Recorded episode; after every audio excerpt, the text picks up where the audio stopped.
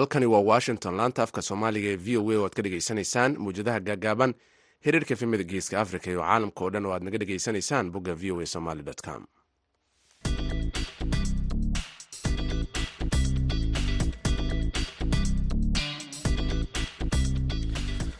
Duur wanaagsan idilkiinba meel kastoo joogtaan. Dhegaystayaal waa maalin khamiis ah bisha nofembarna ay ku beegan tahay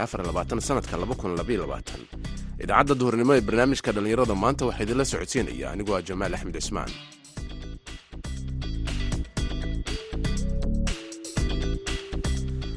qodobada aad ku dhegaysan doontaan idaacadda duhurnimo ee barnaamijka dhallinyarada maanta waxaa ka mid ah soomaalida ku dhaqan magaalada nairobi iyo guud ahaanba waddanka kenya uu soo dhoweeyey heshiis dhowaan dhex maray dalalka kenya iyo sud waxaa ugu horayso safarkii adkaa ee dhulka loo mari jiray ee dhallinyarta ay ku rafaadi jireen in uu soo gaabto oo si degan maaragta fiisooyinkii loo helo waxyaabo badan ayuu fududayn karaa. Dad badan ayaa maaragta labada dhinac kala jiro nairobi iyo johannesburg. Aad ayay iskugu xirayin xagga ganacsiga caafimaadka waa loo tegi jiray. Marka waxaan filaya in laga maarmi doono mar aaditaankii maaragta meelaha dhaadheeraa waxaad kaloo dhegaysan doontaan tababar ku saabsan kafaa'iidaysiga teknolojiyadda oo dhallinyaro lagu qabtay magaalada boosaaso heesaha ayaan barnaamijka inta uu socdo ka marnayn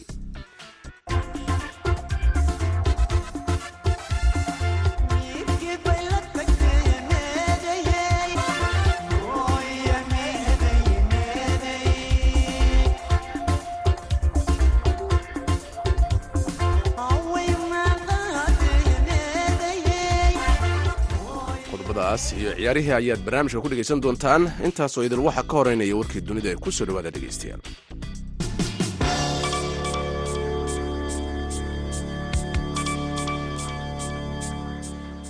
Saraakiisha reer ukrein ayaa ugu baaqay dalalka dunyada inay ka hor yimaadaan duqeymaha dhinaca cirka ee lagu bartilmaamaysanayo adeegyada bulshada. Wasiirka arrimaha dibadda ruushka dimitri kuleba wasiirka arrimaha dibadda ee dalkaasi dimitri kuleba ayaa bartiisa twitterka ku soo dhigay maanta oo khamiisa in ruushku geysanayo mid ka mid ah weeraradii ugu cawaansanaa uguna fulaysanaa kaasoo ka dhan ah dad aan hubaysnayn ayuu yidhi wasiirkaasi arrimaha dibadda ee dalka ukrein farintiisaasin ayaa waxa uu markaa ku xigay muuqaal uu soo duubay madaxweynaha dalkaasi valadimir zelenski oo sheegay in gantaalaha ruushku ay ku dhaceen cisbitaallo iskuullo gaadiid dadweynaha iyo deegaanada rayidka zelenski ayaa sidoo kale sheegay in ukrein ay sugayso go'aan adag oo beesha caalamka ee arrintani ay ka qaado safiirka ruushka ee qaramada midoobay viseli nabenzia ayaa diiday hadalkaasi oo sheegtay in aysan dad rayid ay ku bartilmaamaysteen gudaha waddanka ukrein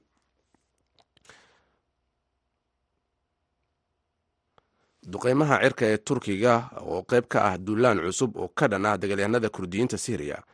ayaa ka dhacay meel u dhow ciidamada maraykanka oo ku sugan gobolka waqooyi bari dalka syriya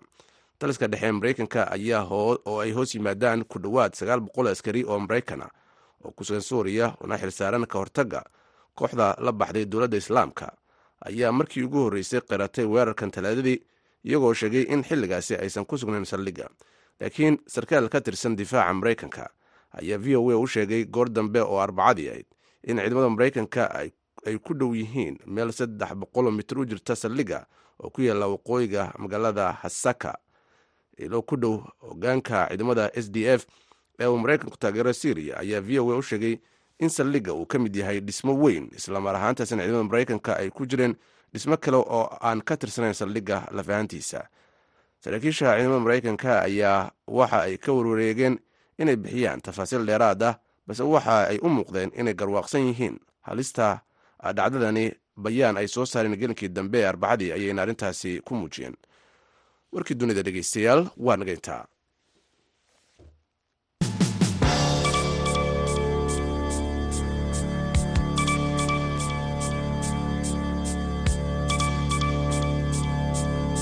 duur wanaagsan dhegeystayaal halkaad warkaasi ka dhegeysanayseena waa v o a. Dhowaan waxaa heshiis dhinaca socdaalka ahi wadagaaray dalalka south africa iyo sidoo kale waddanka kenya in markaasi dhinacyadu ay fududeeyaan fiisaha ama dalkugalka oo muwaadiniinta labada dhinacba ay ka qaataan eerboorada magaalooyinka waaweyn ee dalalkaasi haddaba soomaalida waddankaasi ku dhaqan kenya ayaa arrintani soo dhoweeyey sida warbixintan uu ku faahfaahinayo khadar maxamuud xareed oo sheegaya in dhallinyarada ganacsatadahi ay sheegayaan in arrintan ay wax badan ka bedeli karayso arrimihii ganacsigooda heshiiskan lagu horumarinayo xiriirka ganacsiga iyo isu socodka dadka waddamada kenya iyo koonfur afrika ee ay dhowaan magaalada nairobi ay ku kala siixideen madaxweyne william ruto iyo madaxweyne siril ramafosa ayaa waxaa si weyn u soo dhoweeyey shacabka kenyaanka ah gaar ahaana dhallinyarada soomaalida kenya ee ku safra aqoonsiga kenyaanka ah kuwaasoo sheegaya in heshiiskan uu yahay mid dhallinyarada faa'iidooyin kala duwan oo dhanka ganacsiga iyo waxbarashada u leh cabdirasaaq maxamed oo ka mid a dhallinyarada ku nool magaalada nairobi ayaa qabaa in heshiiskan uu meesha ka saari doono safar masaafo dheeraa oo dhanka dhulka ah oo ay markii hore dhallinyarada soomaalidu ay ku tegi jireen dalka koonfur afrika gaar ahaana dhallinyarada danaynaysa ganacsiga waxbarashada iyo dhinaca dalxiiska. Ugu horeyso safarkii adkaa ee dhulka loo mari jiray ee dhallinyarta ay ku rafaadi jireen in uu soo gaabto oo si degan maaragta fiisooyinkii loo helo waxyaabo badan ayuu fududayn karaa dad badan ayaa maaragta labada dhinac kala jiro nairobi iyo johannesburg. Aad ayay iskugu xirayin xagga ganacsiga caafimaadka waa loo tegi jiray marka waxaan filaya in laga maarmi doono mar dhow aaditaankii maaragta meelaha dhaadheeraa ee ka midka ahayd indiya in dadka ay south africa ay u sahlanaato weliba gaar ahaan dhallinyarta ay muhiim u tahay. Kuwii kuwo fara badan oo maaragta shaqo u joogo xaggana soo laabashadoodii iyo aaditaankoodii dambena ay u fududahay. Marka waa arrin aad muhiim u ah dhallinyartana runtii farxadda ay ku dareemayaan marka laga hadlayo dhallinyarada soomaaliyeed oo kale bal markii hore qaabkii ay ugu safri jireen kenya iyo ilaa south africa. Noo sharax qaabkii ay marka hore u mari jireen wuxuu ahaa in warqadda east africa ay goostaan halkaas oo ay ku mari jireen waddamada tanzania iyo zambiya taas oo maaragtay dhibaato aad u fara badan dadkii ay ka soo gaari jirtay. Waa ognahay in xabsiyada tanzania iyo maaragtay zambiya dhallinyaro fara badan ay ku xiran yihiin oo kenyaan ah. Marka culays aad u weyn ayay ku haysay tegitaanka meeshaasna wuxuu ahaa safar la maraya dhulka taasna culays weynay ku ahayd mar walba dhinacyada maaragtay isticmaalaya dhallinyarta ugu badnaato warqadihii markaa ee dadkay ku mari jireenna wax tixgelin gaar ah lama siin jirin. Marka dhib fara badana lagu qabay maritaanka dhulka. Waxay soo sahlaysaa qarashkii ku bixi lahaa. Ayadoo naftirkeeda qarashka ku baxay u yahay mid aad u badan waxaa moodaa in fiisada ay soo sahlayso oo qarashkii iyo wakhtigiiba ay soo koobayso isu socodka hadda cusub. Jaanis weynna ay u tahay dhallinyarta guud ahaan maadaama waddanka uu dhallinyaro fara badan ay u kacayso oo shaqooyinkii iyo waxyaabo badan ay isku xiran yihiin heshiiskan cusub ee dhinaca isu socodka ah ee ay wada gaareen madaxda kenya iyo kuwa koonfur afrika ayaa sidoo kale meesha ka saari doona dhibaatooyinkii ay markii hore dhallinyarada iyo dadka ku nool kenya ay ku qabeen helitaanka dalkugalka dalka koonfur afrika kaasoo dadka hadda ku safraya aqoonsiga kenya ay koonfur afrika ay ku tegi doonaan si bilaash ah oo aanan dalkugal looga baahnayn maxamed cali xabad waxa uu ka mid yahay dhallinyarada inta badan ku safra jidka isku xira kenya ilaa koonfur afrika halkaasoo ay inta badan waddamada u dhexeeya kenya iyo koonfur afrika ay markii hore muwaadiniintoodu ay si fudud ugu safri jireen koonfur afrika wuxuuna aada u soo dhoweeyey in kenya ay ka mid noqotay wadamadaasi. Dhalinyarta kenyaanka ah runtii aad bay ugu dhib qabeen. ku safarka baasaboorka kenyaanka marka ay tahay in lagu aado south africa imagine inta wadamo ka sokeyso oo idil waxaa lagu marayay free laakiin south africa mar walba waxay ahayd caqabad bay ahayd oo visa qasab buu ahaa. Waxay ahayd visa inaad wadankan ka doonato meel maarata kuleedahin safaaradda south africa kuleeyahay nairobi ku taal inaad ka doonatid. Shuruudo badan lagugu xirayo waraaqo badan lagugu xirayo. Dadka qaar weliba boqol kiiba sideetan dadku inay waraaqahaas shuruudahaas buuxin waayaan bay ahayd waa qofkii hataa dan muhiim ah kale oo sida caafimaad oo kale waxbarasho kale kale runtii dhib badan buu kala kulmayey. Markii loo eego dadka kalete caadiga u shaqa tegaya dhalinyarta soomaalida oo kaleta ama kenyaan kale u shaqa tegayay rafaad badan bay ku qabeen. Marka hadda in la yiraahdo free baa lagu gelayaa. Wax badan buu runtii ka saacidaya isu socodkii buu yareynayaa dhalinyartii si fudud bay haddanba hadda kadib ku aadi doonaan. Hadday tahay shaqo hadday tahay buuqasho iyo hadday tahay in qofku caafimaad iyo waxyaabaha inkaas kaleeto uu aado. Marka mar walbaba muhiim bay ahayd south africa in free laga dhigo. Imagine wadamadan kaleeto u dhexeeya kenya iyo south africa. Waa ilaa iyo markaan hadda isku jumlayo toban wadan baan dhihi karaa. Tobankaas wadan free bay ku galaan south africa. Tanzania ugu xigta free bay ku gashaa. Laakiin kenya mar walba waxay keeni jirtay hadalhayn ah. In basaboorka kenyaanka uusan value badan lahayn ama aan laga jeclayn waddamada qaar aan laga jeclayn sida south africa oo kaleeto runtii. Muddo hore inay ahayd in free laga dhigo south africa kenya waxyaaba badan baa isaga xiran caafimaad baa isaga xiran waxbarasha isaga xiran shaqa isaga xiran oo dee khadar maxamuud xareed v o a nairobi. Waa tahay dhegeystayaal markana dhinacii heesaha fanaanka nuur eebo rabbi naxariistii jannaha ka waraabiya ayaan idinku soo dhaweynaya markan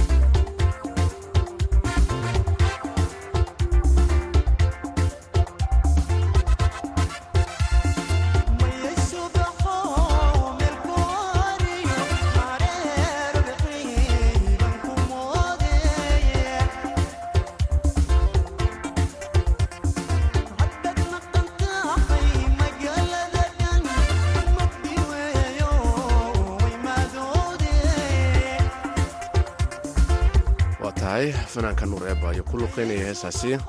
Magaalada boosaaso waxaa lagu qabtay tababar ku saabsan sidii dhallinyarada ay uga faa'iidaysan lahaayeen adeegyada casriga iyo teknolojiyadda gaar ahaan dhinaca internetka iyadoo sidoo kale tababarkaasi lagu barayey sidii ay ula socon lahaayeen imtixaanaadka iyo waxyaabaha kale duruusta oo ay ka soo degsan doonaan kala socon doonaan ab ay markaasi ardadu si gaar ah isha ugu haynayaan. Warbixin arrintan la xiriirta waxaa wariyaha v o a yuusuf maxamuud yuusuf ka wareystay maxamed amiin cabdiraxmaan oo ah macalinka tababarka bixinayay. Tababarkan waxaa looga hadlayay internetka iyo adeegsiga teknolojiyadda casriga waxaa qabatay jaamacad badda cas waxaana loo qabtay ardayda sanadka koowaad. Tababarka waxaanu uga sheekeynaynay tacliinta ama waxbarashada iyo internetka ama teknolojiyadda in laga faa'iidaysto xiriirka ka dhexeeya sharxaynay internetka faa'iidada uu leeyahay iyo haddii qofku si xun u adeegsado dhibaatada ka imaan karta maxaa xilligan ku soo aadiyay marka inaad dhalinyarada u qabataan tobabar noocan oo kale ah? Iyadaan ognahay in dhalinyarada ay aad u isticmaalaan baraha bulshada iyo weliba internetka. Maadaama jaamacadda ay ardadu sanadka koowaad ay yihiin waxyaabahaanu xooga saarana waxaa weeye markii ay sameynayaan ardadu cilmi baaris sameynayaan ama ay aqoon raadinayaan meelaha ugu badan ay ka raadinayaan waa internetka iyo maktabadaha. Marka internet maadaama wax badan ay ku jiraan oo cilmi ah iyo aqoon ah inay ardadu ka faa'idaystaan waxaan u tilmaamayna websiyada muhiimka ah inay booqdaan aan ku dhiirigelinaynay inay adeegsadaan youtube-ka oo ay tutorial videoska ama videoyada tacliimiga iyo waxbarashada laga barto. Ay aad ay u dhegeystaan documentary filmska oo ardada wacyigooda aqoonta iyo xagga luuqadda iyo xirfadda xataa kor u qaadaya. Marka muhiimadda kood waxay ahayd ardada sanadkooda marka ay la qabsadaan internet si fiican u adeegsadaan ilaa ay markii qalin jibinayaan ay maaragtay wax badan buu anfacaya marka taasaa muhiimaddu ahayd ardada la baray adeegsiga internetka casriga ah iyo sida looga faa'iidaysan karo maxay isugu jiraan marka aamin? Waxay isugu jiraan gabdho iyo wiilal iyo kuliyadaha kala duwan ee jaamacadda ardadaas waxa ay muhiimadda aanu saarayn waxa weye inay internetka ay si fiican u adeegsadaan. Waxyaabaha mashquuliyaadka internetka ka buuxa ee aan muhiimadda lahaynna ise wakhti badan aysan ku lumin. Caafimaadkooda mararka qaarkood teknolojiyaddu culeyska ay keento waxaa ka mid a indhaha oo kale. Haddii aada loo adeegsado oo meelo aan habbooneyn lagu adeegsada sida qolmugdi oo kale iyo mobeilka dhibaato badan buu indhaha gaarsiiyaa maxaa la lahaa xifdiga iyo ardada in dhibaato badan buu ku hayayo xiliyada imtixaanaadka iyo xiliyada wax akhrinayaan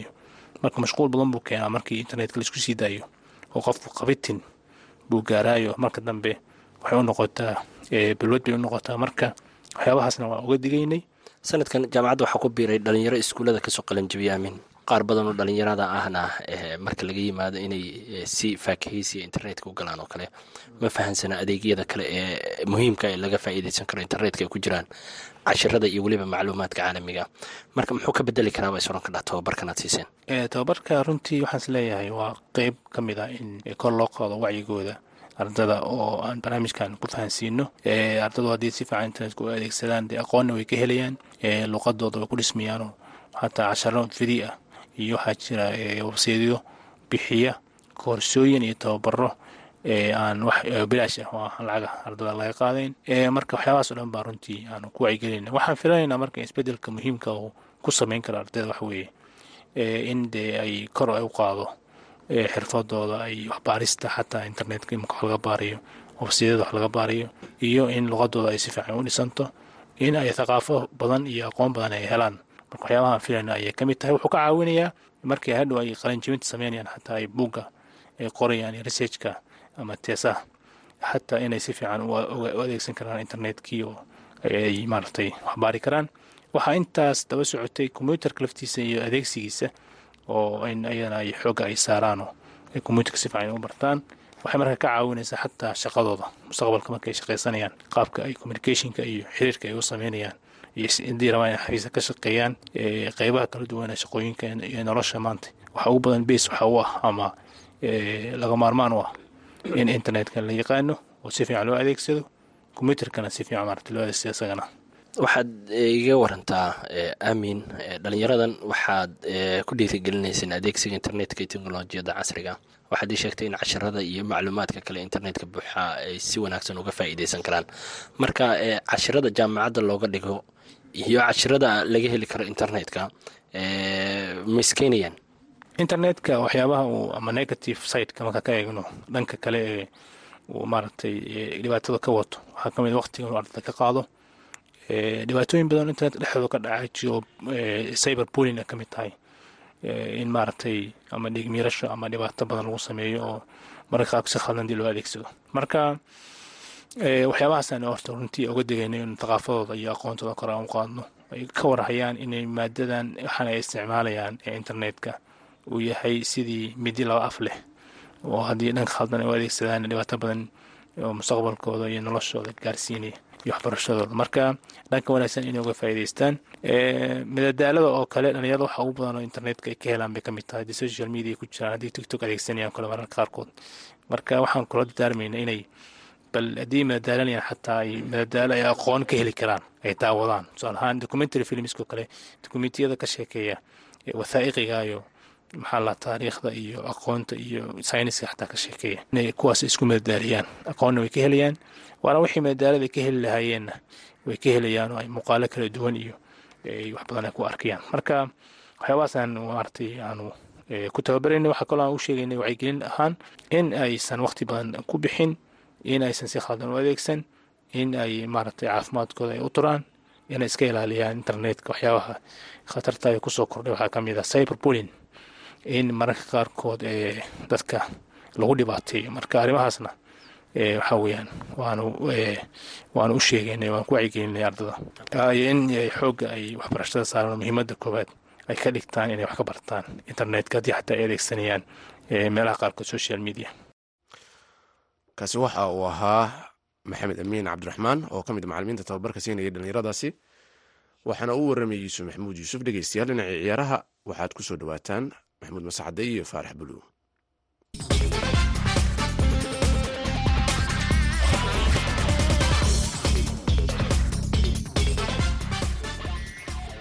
kuna wanaagsan dhegaystayaal dhammaantiinba kuna soo dhowaada xubinta ciyaaraha maalintii shanaad ayaa la gelayaa ee koobka kubadda cagta adduunka ee sida xiisaha badan uga soconaya waddanka qatar. Hase ahaatee intaynaan gelin kulamada xiisaha badan leh ee caawa iyo maanta dhacaya bal marka hore aan si kooban u guud maro kulamadii ugu dambeeyey ee habeenkii xalay ahaa dhacay iyo natiijooyinkii ka soo baxay oo qaarkood ay xiise gaara lahaayeen. Xulka qaranka ee beljum ayaa goor dambe oo habeenkii xalay ahaa waxyaal adag la yeesheen xulka qaranka ee canada.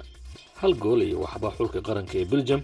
ayaa ku soo guulaystay inkastoo canada ay heshay fursad ee hoggaanka ku qaban kartay qaybtii hore ciyaarta laakiin rigoorihii loo dhigay ciyaaryahan alfonso davis ninka kooxdiisa bayer munich difaaca uga ciyaara laakiin qarankiisa weerarka u ah ayaana ka khasaariyey rigoorahaasi laakiin xulka qaranka sbain ayaa wacdaro dhigay islamarkaasina noqday qarankii dhaliyey goolashii ugu badnaa ee koobkan adduunka la dhaliyo waxaana toddoba gool iyo waxba ay ku dharbaaxeen xulka qaranka ee costarica laakiin goor sii horraysay oo shalay ahayd kulan xiise badan oo dhex maray waddamada jarmalka iyo jabaan ayaa wejigabax kala keenay kaasi oo si lama filaana ay natiijadiisu noqotay mid xulka qaranka ee jarmalka laga adkaado waana kulankii labaad oo dal weyn oo ciyaaraha kubadda cagta adduunka sumcad ku leh la dibrinayo faarax maxamed cali faarax buluug ayaa ila falanqaynaya kulankaasi iyo wixii dhacay. Faarax soo dhawow jarmalka maxaa ku dhacay? Waa mahadsan tahay mascade runtiisaa sheegtaba waxay ahayd guuldaro weyn oo jarmalka ku dhacday oo lamida tii argentina oo sacuudiga u kale. Runtii dhinacaas markaa fiirsada waa adag tahay inta badan koox kubadda haysata boqolkiiba toddobaatan afar guuldaro noocaas oo kale a loo geysto marka waxaa la dhihi karaa jarmalka waxaa ku dhacay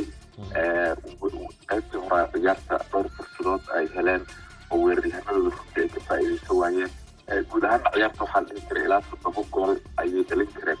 marka waxaa ku dhacay runtii qaladaadyo kooban oo ay galeen oo laga faa'iidaystay oo faa'iidaystay kubado maaragtay ay haysan lahayd oo laga qaatay oo maaragtay laga dheliyey iyo jabaan oo qaybtii dambe oo ciyaarta runtii ka bedeshay maaragtay sidii ay u socotay qaybtii hore oo runtii firfircooni la soo gashay marka lagu soo laabtay garoonka jarmalkuna wuxuu islahaa marka horeba maaragtay kooxda jabaan uu runtii uu ka adkaan karo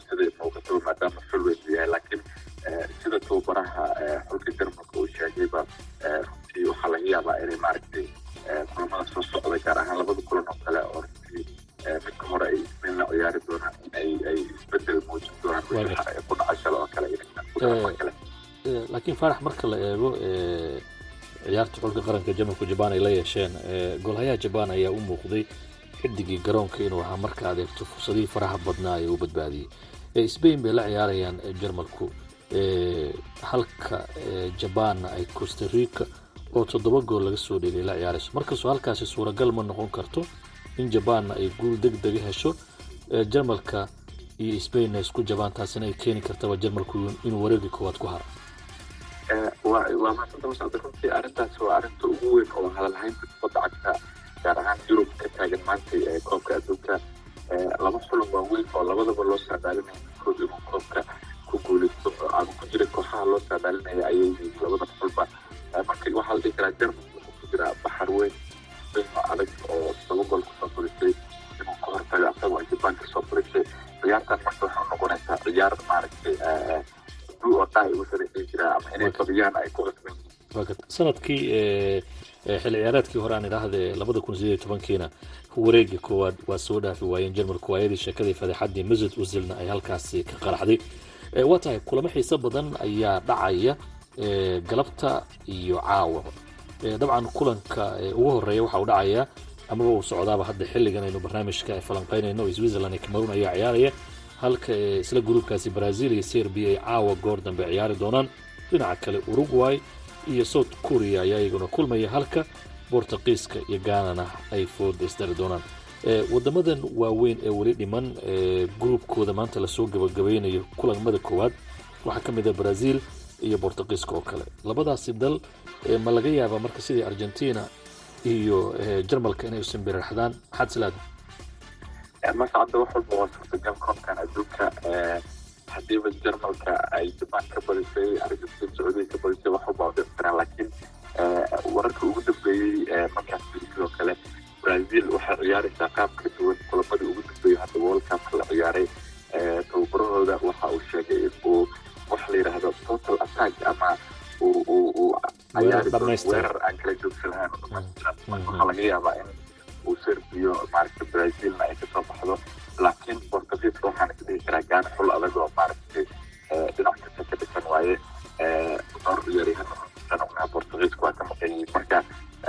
ayada kudeedu saadaasheedu way adag tahay laakiin waa filaynaa ciyaarahan maaragtay inay ku soo natiijo runtii la daawan karaa ay ka timaado haddii aad soo koobto faaraxo waddamada africa ilaa iyo hadda saddex dal ayaa ciyaaray. Mid waa laga badiyey labana barbaro ayay heleen. Dabcan maanta iyo caawana labada daloo dhiman africa ayaa ciyaaraya ilaa iyo hadda kulamadii aad aragtay waddamada africa maxaan ka fili karnaa? Waa mahadsantaa runtii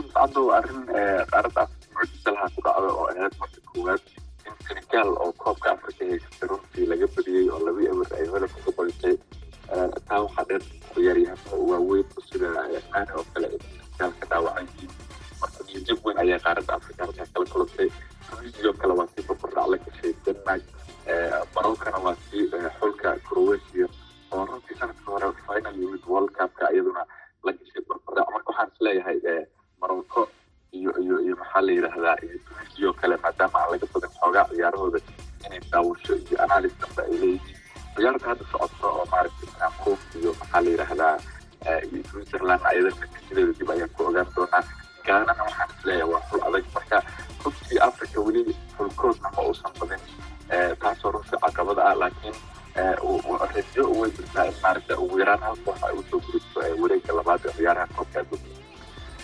tahay faarax maxamed cali aad iyo aad baad u mahadsan tahay. Sidaad sheegtay tunisiya iyo morocco oo dabcan ilaa iyo hadda natiijooyin wanaagsan helay ayayna dabcan afrikaanku rajo weyn ka qabaan in ay meel wanaagsan gaari doonaan. Dhegeystayaal xubintaana ciyaarahan inta ayaan ku soo gabagabeynaya. Tan iyo kulan dambe waa mascadooda ku dhaafaya sidaa iyo nabadgelyo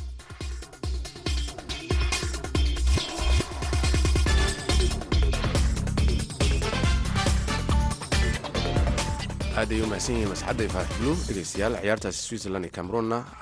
qaybta nasiinada lagu kala maqan yahay waana eber iyo eber. Kusoo kordha waad maqli doontaan. Dhinacii heesaha ayaanu jaleecaynaa